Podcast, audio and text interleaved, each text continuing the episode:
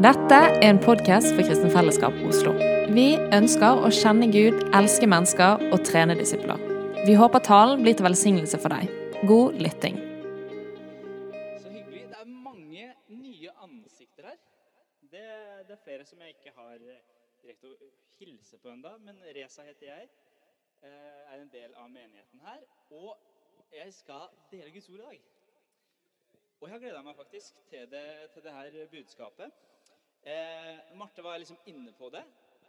Eh, men jeg har valgt å kalle temaet, eller overskriften skal være, Er du for travel til å være et vitne for Jesus?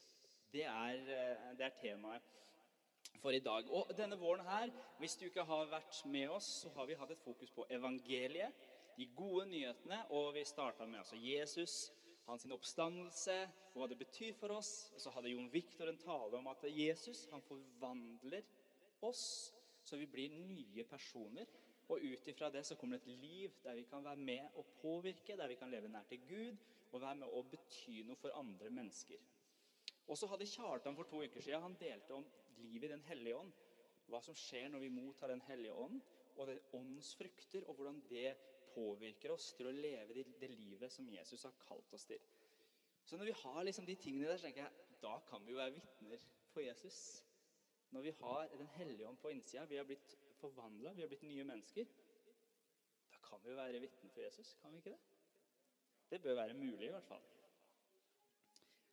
Og jeg tenker liksom, Det er det som er temaet. Og så skal jeg også gå inn på å touche et element som jeg tror vil være viktig i Eller utfordrer oss, eller gjør det vanskelig for deg og meg at vi kan bli tause eller ikke dele evangeliet, eller dele eller være vitner til det vi har opplevd med Jesus. Og jeg tror det, eh, det har med travelhet å gjøre.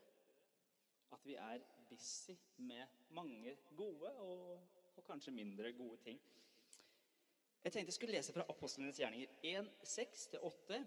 Fordi der får vi eh, en befaling fra Jesus. Der står det Mens de var sammen, spurte de ham. Herre, er tiden nå kommet da du vil gjenreise riket for Israel? Han svarte, det er ikke gitt dere å kjenne tider og stunder som far har fastsatt av sin egen makt. Men dere skal få kraft når Den hellige ånd kommer over dere, og dere skal være mine vitner i Jerusalem og hele Judea, i Samaria og helt til jordens ender. Og så har jeg bare lyst til å si før vi går videre Kanskje sitter du her og tenker å nei, ikke enda et budskap om å være vitne, evangelisere, forkynne. Det er ikke et enda et budskap. Det er ikke det. Fordi jeg, jeg håper at ved denne forkynnelsen her, og det, ved det jeg deler i dag, så skal du få tro på at du har fått noe. Og det du har fått, det er en kjempegod pakke å starte med å være et vitne for Jesus. Du blir ikke kalt, kanskje, kanskje blir du det òg, til å være evangelist her i dag. Men vi som kristne er alle kalt å være vitner for Jesus. Så jeg forteller hvorfor. Altså, Det greske ordet som blir brukt, som Jesus sier dere skal være mine vitner overalt, det er ordet martys, som er liksom det ordet vi bruker av martyr. Men det har liksom annen betydning. for Når du sier ordet martyr, så tenker du ja, det er noen kristne for eksempel, som dør for sin tro. De, altså Alle apostlene, kanskje, bortsett fra Johannes, blir drept for sin tro. Så det er det Jesus kaller oss til. Være martyrer. Og kanskje blir du, blir du det også. Men kanskje blir du det ikke. Men det ordet, det det egentlig betyr, og der det ble brukt i sin kontekst, var at det, du er et vitne. Så du er et vitne i en rettssak. Så hvis det hadde skjedd noe, og du hadde vært til stede ved den spesielle hendelsen, så ville du bli kalt inn som et vitne. Og hva gjorde du da som et vitne? Eller hva gjør du i dag som et vitne i en rettssak? Du forteller om det du har sett, det du har hørt, det du opplevde, for du var i området. Det er ikke sånn at du blir kalt inn hvis det skjer noe i et helt annet land. Du har ikke peiling, så blir du kalt inn, så kanskje du har noe bra å komme med. Det er ikke det det handler om. Eller at du skal lese deg opp når du blir kalt til å være et vitne. Nei, det som skjer, er at du har sett noe. Du har vært vitne til noe. og- derfor blir du spurt om å fortelle hva som har skjedd, rett og slett. Og det var, det, det var sånn apostlene holdt på. Hva sa de? Vi forteller dere om det vi har sett, og det vi har hørt. Det våre hender tok på. Det er det vi forkynner dere. Så hva forkynte de? For dem så var det at De opplevde at Jesus gikk rundt, gjorde gode ting. Han helbreda syke. Han reiste opp døde. Han satte mennesker i frihet. Og så døde han. Men det var ikke bare der det stoppa. De fikk se han etterpå. At han sto opp, han viste seg for dem. Han for til himmelen, og så sendte han Den hellige ånd, som de opplevde. Og så hadde alle ulike opplevelser med Jesus når han hadde gått til himmelen og satt seg ved fars høyre hånd. Og jeg er sikker på at de fleste der inne, hvis du har tatt imot Jesus, så har du på et tidspunkt møtt Jesus på, en, på ulike måter. Kanskje du har blitt helbreda. Kanskje du har fått et bønnesvar. Kanskje du har hatt en opplevelse som av fred. Kanskje du har lest i Bibelen og kjent at det har talt til deg. Du har ett eller annet som du har opplevd med Jesus. Og Jesus spør ikke deg om å gjøre noe helt syke greier som du på en måte ikke har opplevd. Han sier, 'Vær et vitne om hva jeg har gjort for deg'. Hva enn det måtte være. Jeg fikk bønnesvar. Jeg var syk, så ba jeg om det. Så gjorde Gud noe. Jeg hadde en prøve som jeg sleit med. Så ba jeg, så fikk jeg fred og fikk konsentrasjon til å lese. Det kan være så ulikt hvordan vi møter Jesus, men Jesus har kalt oss til å være martys, være vitner for ham. Enkelt og greit med de vi er, og så kan vi vokse. Absolutt. Men start der du er. Og det tror jeg absolutt alle vi klarer. Det er lett. Du kan fortelle at f.eks. hvis du går ut nå, så kommer noen og sier Hva er det du har gjort fra klokken 11 til 1, f.eks.?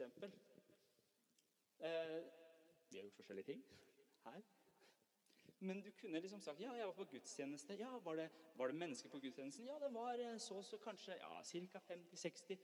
Eh, skjedde det noe annet? Ja, det var en barnevelsignelse. Ja, barnevelsignelse. Ja, det var ei jente som ble velsigna. Og så var det noen sanger som ble sunget. Altså, det, er, det der klarer vi alle sammen. Og kan vi klare å gjøre det så enkelt med å være vitne for Jesus at jeg forstår ikke alt, men jeg har opplevd noe.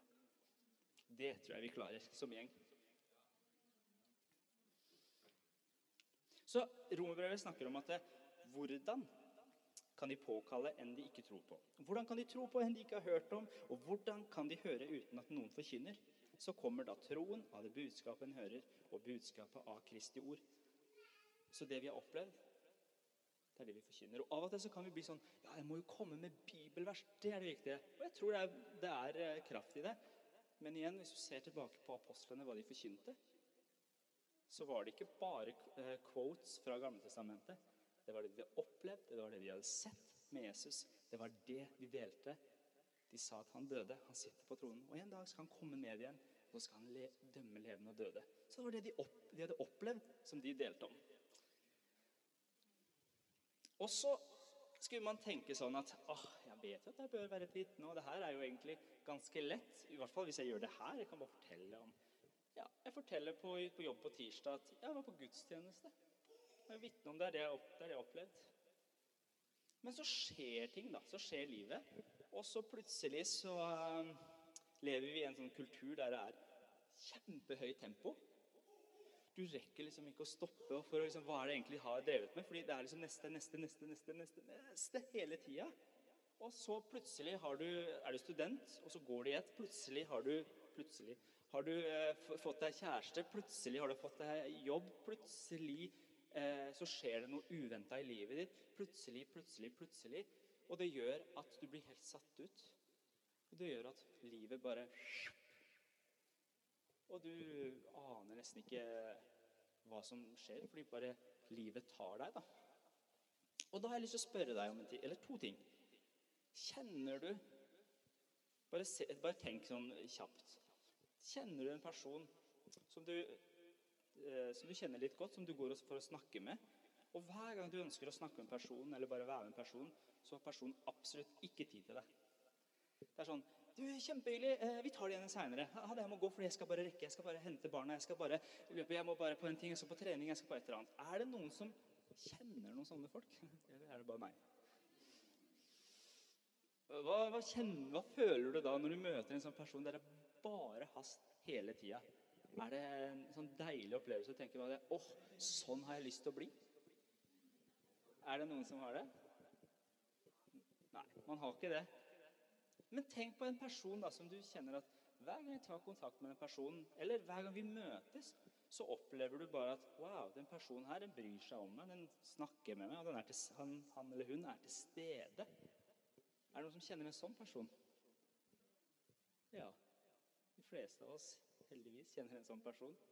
Er det deilig å være rundt en sånn person? Det er deilig. Du får senke skuldrene, du får være deg sjøl, du får dele.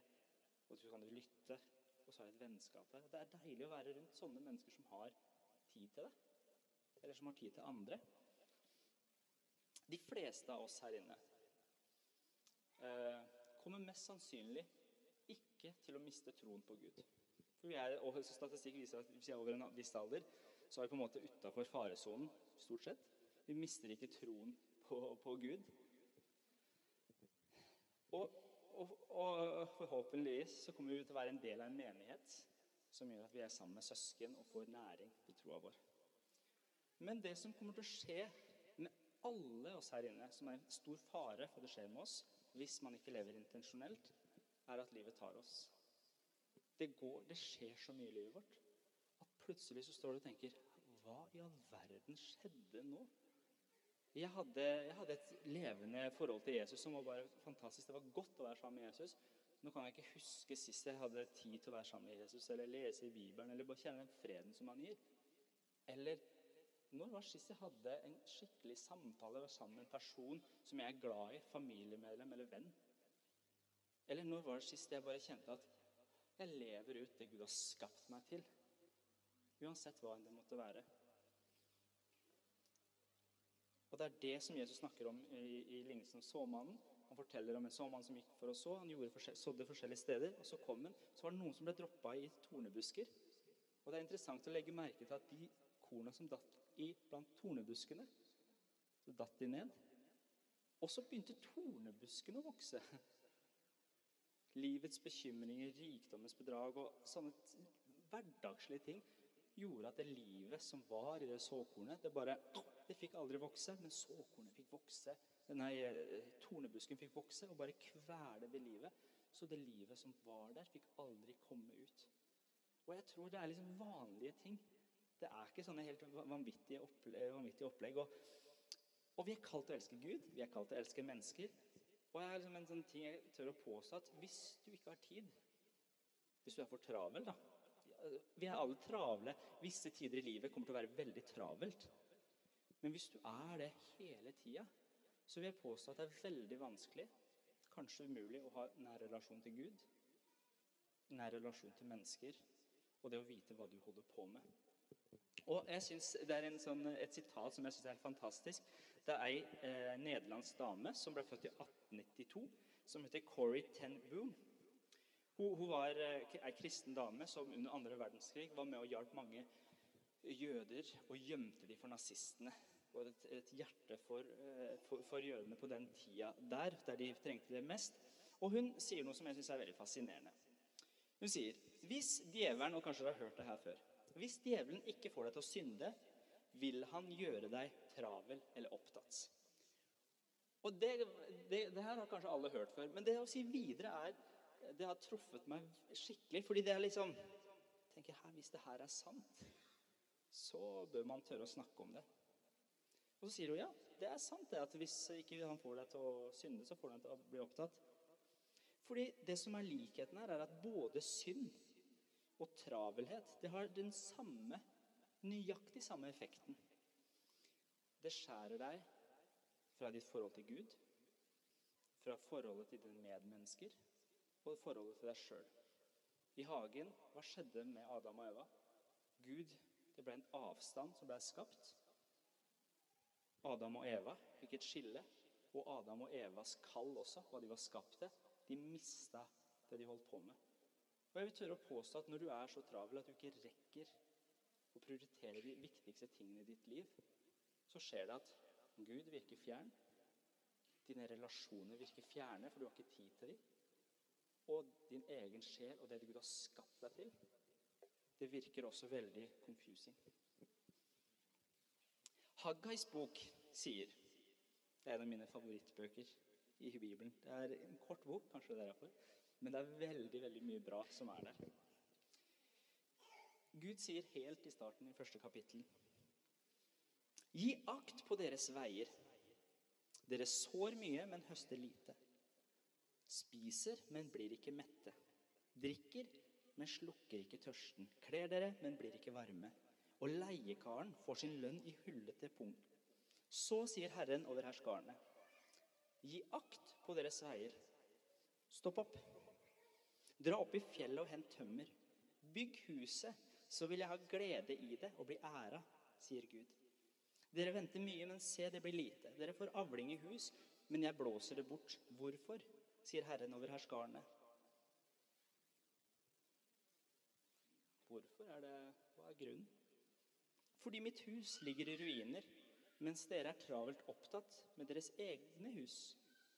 Derfor holder himmelen duggen tilbake, og jorden holder grøden tilbake. Jeg syns bare det er fascinerende vers. For, for, Gud sier at Se, da, dere bare strever. Kanskje i moderne tid så ville det sett ut Du løper rundt, du gjør masse kule ting. Du har masse hobbyer, du gjør masse spennende. Livet ditt, kalenderen din, er kjempefull av masse gode ting. Men så sier Gud men du er jo bare sulten etter mer hele tida. Du blir liksom ikke fornøyd. da. Du jager, du jager, du jager, men du blir ikke fornøyd.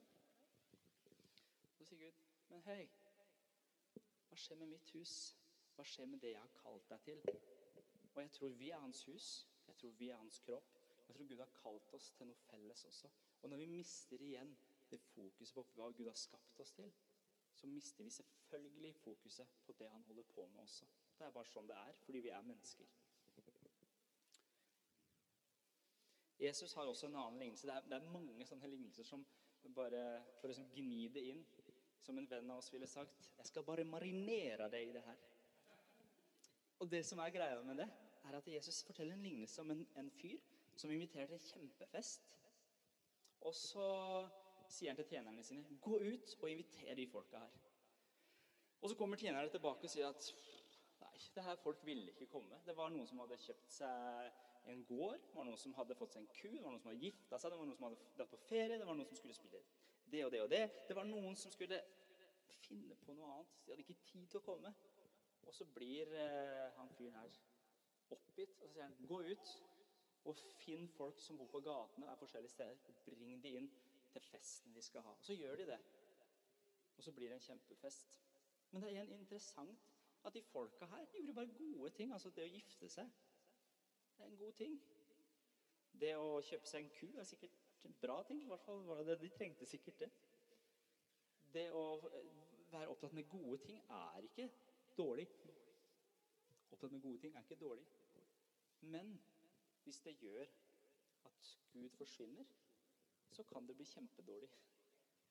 Og det som er interessant med historien, som jeg aldri har tenkt på før nå nylig, er at jeg er veldig glad for at de tjenerne ikke var for opptatt av å gå ut og hente de folka som var rundt omkring, da, for å få de inn. For de kunne også vært veldig travle med at Sorry, jeg jobber fra åtte til fire. Jeg har ikke tid.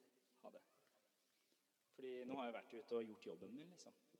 Men Gud hadde noe med de tjenerne, og de tjenerne tror jeg også er oss. Gud har kalt oss til å være vitne med de livene vi har, og det vi, det vi gjør.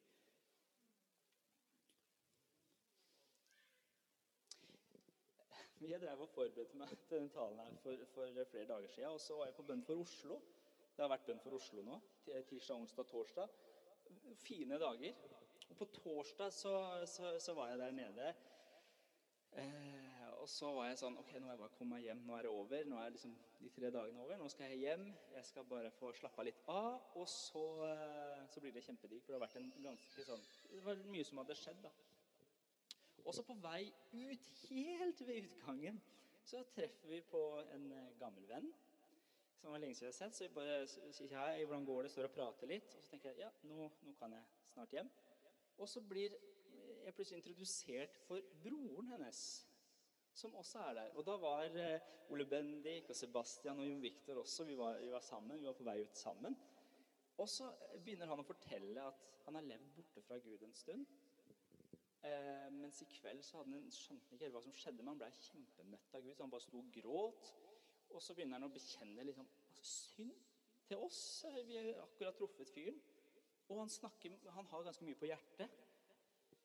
Og så kjenner jeg litt sånn åh, er, Nå er det jo tid for å ta ham tilbake. Men så jeg på, får jeg sånn varsling på mobilen tror jeg, at eh, parkeringen din går ut. Så tenker jeg ja, nå må jeg faktisk dra, for nå kan jeg bot. jeg må liksom ordne det.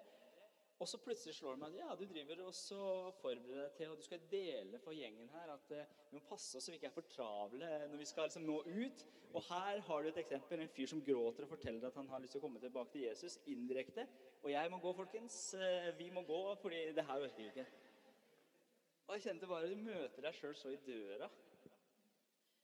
Og så var det sånn OK, la han, la han få snakke. Og så eh, er jeg glad vi var en gjeng som spilte på hverandre. Og det var en fantastisk fyr. og Han var så, han hadde møtt Jesus, han ville bare møte han igjen.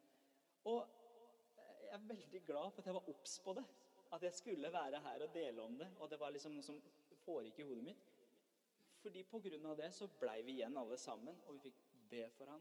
Vi fikk velsigne han, og vi fikk eh, liksom kontaktinfo som gjorde at vi kan være med å følge han opp.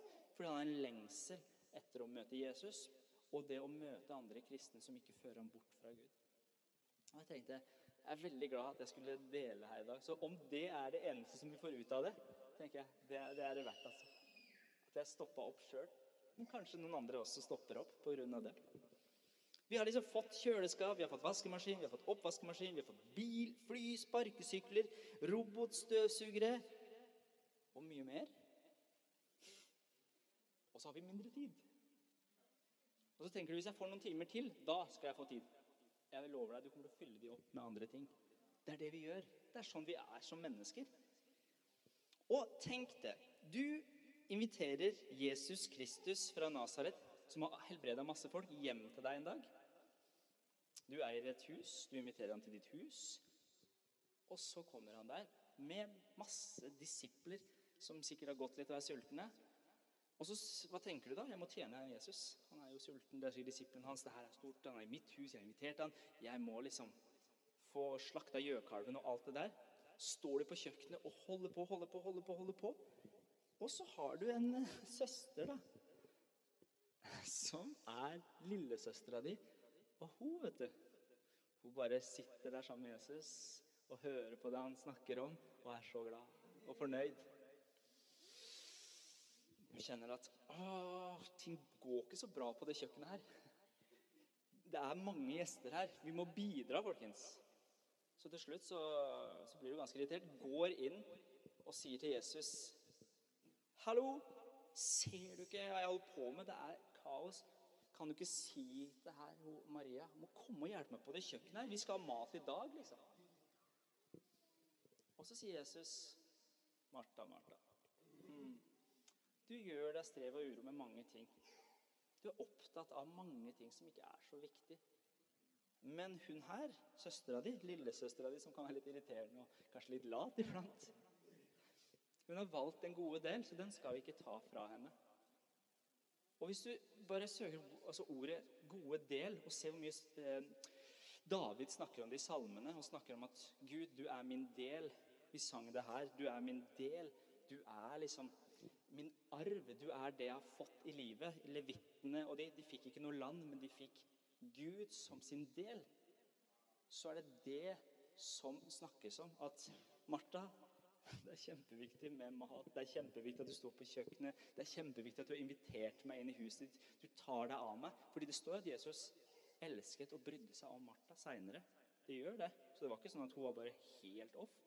Men det var én ting som var viktigere enn alt. Og Maria hun hadde valgt en god del. Og Da blir spørsmålet ah, hvordan er det med meg? For Hver gang jeg leser den historien, så blir jeg provosert. Jeg tenker hadde det vært meg, så hadde jeg ønska at hun, Maria hadde fått opp den rumpa si, kommet på kjøkkenet og hjulpet meg der. For jeg veit hvor travelt det kan være hvis du har invitert 20 personer, si da. Og så er du bare den som er på kjøkkenet. Og så sier Jesus hva er det du driver med? Og det kan skje med oss som kristne òg. Vi kan være opptatt av så mange gode ting at vi glemmer Jesus, vår del, han som på en måte er kilden til alt det vi holder på med. Og Jeg, jeg skal ikke um, løfte det her veldig høyt fram, men jeg har lyst til å ta en sånn her undersøkelse. Du, du, trenger ikke å svare, men du kan uh, tenke litt. Det er noe forskning som er gjort på det her, for å se liksom, er du konstant travel. Og uh, jeg leser opp noen av de punktene, så får du se om du kjenner deg igjen. Fordi vi sier at Hvis du har noen av disse her i livet ditt, så bør du virkelig vurdere å stoppe litt opp og tenke på hva du holder på med. Ok. Jeg eh, følte meg litt truffet på flere av de her. Men det går an å gjøre noe med det, heldigvis. Blir du ofte irritert eller sint på småting som bare dukker opp i, i løpet av livet ditt, som du ikke har planlagt? Du skal kjøre hjem, og du tenker at det skal ta 17 minutter, så tar det 23 minutter hjem. Den bilen foran meg Du bare åh, Du kjenner det. Eller uh, ungene dine skal uh, gjøre noe, ta helle melk oppi et eller annet, for de skal ha cornflakes, og bare søler du litt, og så klikker du fordi Åh, vi har ikke tid til dette her.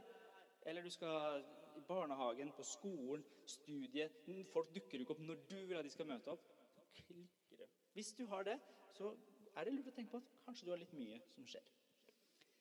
Hvis du drar på ferie eller har helg eller har satt av tid til å være bare slappe av, men det eneste du tenker på, er jobben din eller hva du skal gjøre, eller dra fra mobilen og bare klarer ikke å få ro uansett, selv om du har bladd ned den feeden på Facebook tre ganger den siste timen, så gjør du det igjen, og de samme tingene kommer, men du må bare gjøre det.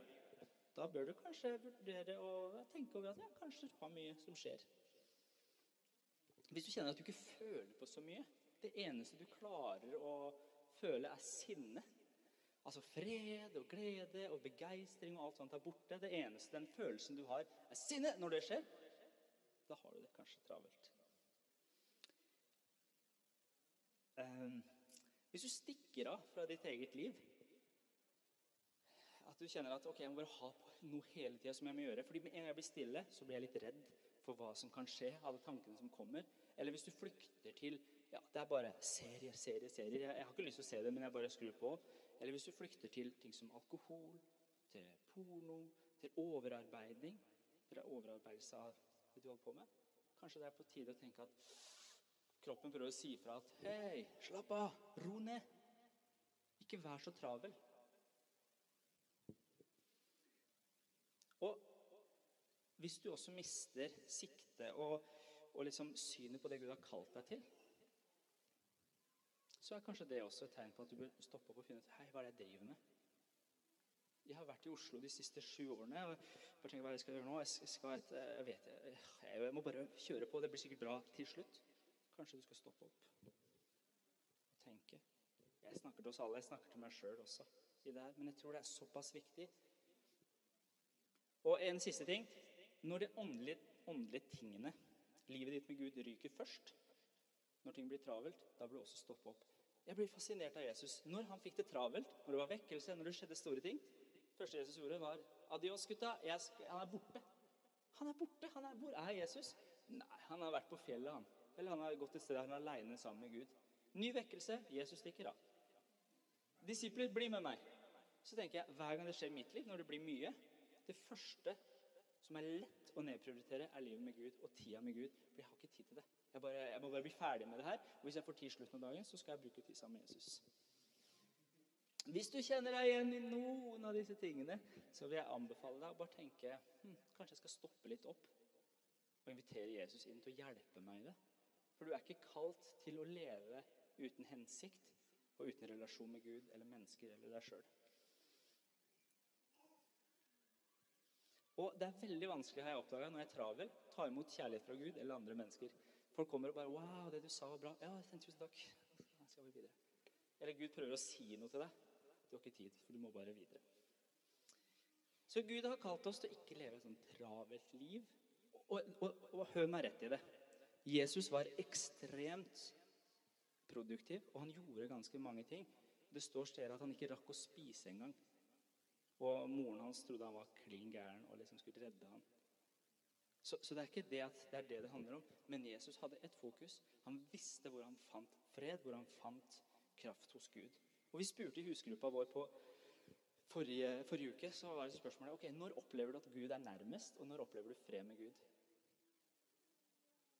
Og alle, absolutt alle svarene som kom, handla om når de tok seg tid til å være sammen med Jesus. Og tro meg, det er veldig mange som er i ulike livsfaser i husgruppa vår. Det er småbarnsforeldre, det er studenter, det er single, det er gifte. Det er litt forskjellige folk. Noen hadde tid til å være sammen med Jesus en halv dag, og det var bare deilig. Kjente bare en fred. Noen hadde tid til å være sammen med Jesus i to minutter. fordi ungene skreik, og det var liksom uff, det, skjedde, det var trykk. Men det, det kom fram, det var en som sa at det ene minuttet jeg kan klare bare OK, Jesus, jeg anerkjenner at du fins. Jeg vil at du skal bare være med meg her nå. Til og med det ene minuttet det gjorde noe med hele fokuset på dagen. Det å stoppe opp og anerkjenne at Hei, Jesus, du er Gud. Alt det stresset mitt, det er ikke sikkert det fører til noe. Selv om det er helt forferdelig, det er kaos. Gi meg fred, hjelp meg. Så kan han få lov å være med og møte deg, fordi han står der og ønsker virkelig å møte oss. Og Hvorfor sier jeg alt det her? Fordi jeg tror at alt det som skjer på innsida av deg, det er det som kommer ut. Og derfor kan du være et vitne for Jesus hvis du starter i riktig ende, klarer å kjenne at jeg er der jeg skal være med Jesus, så kan du være et vitne for Jesus. For du har fått noe. Alle vi har fått noe, og misjonsbefalingen gjelder oss alle. For du er vitne, for du har møtt Jesus på et eller annet vis.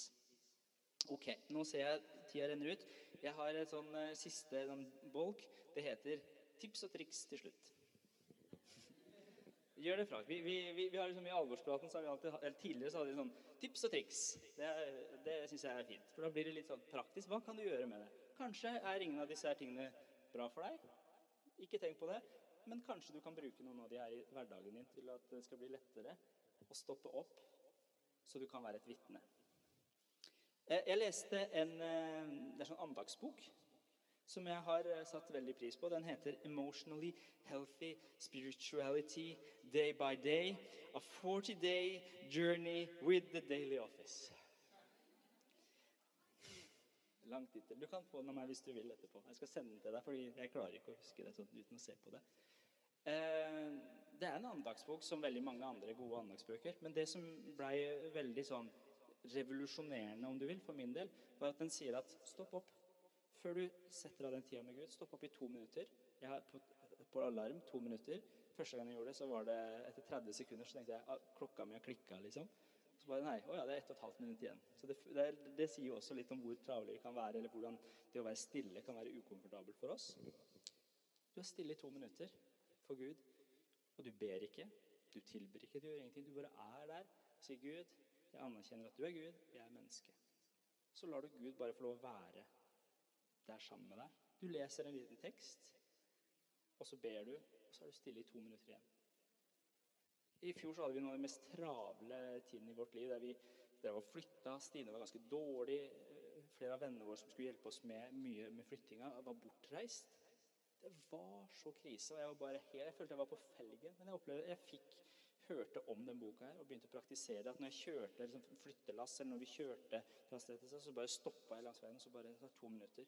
Gud, jeg anerkjenner at du er Gud. Er ikke, jeg, jeg er ikke det. Og jeg bare fikk oppleve at Guds nåde fikk komme og flyte fordi at jeg stoppa og lot han komme inn. Så jeg vil anbefale den, den boka. Spør meg gjerne eh, om tittelen igjen hvis du ikke fikk med deg hele den. Um, er du redd for å være et vitne for Jesus?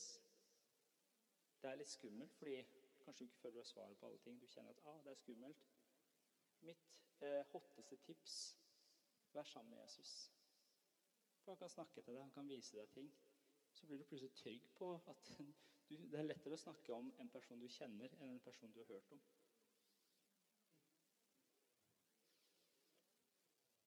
Er du travel til å dele om Jesus, som jeg var på bønn for Oslo egentlig? Bruk tid med Jesus og tenk over at travelhet ikke skal ta, ta, ta deg. Så du kan være et vitne for Jesus.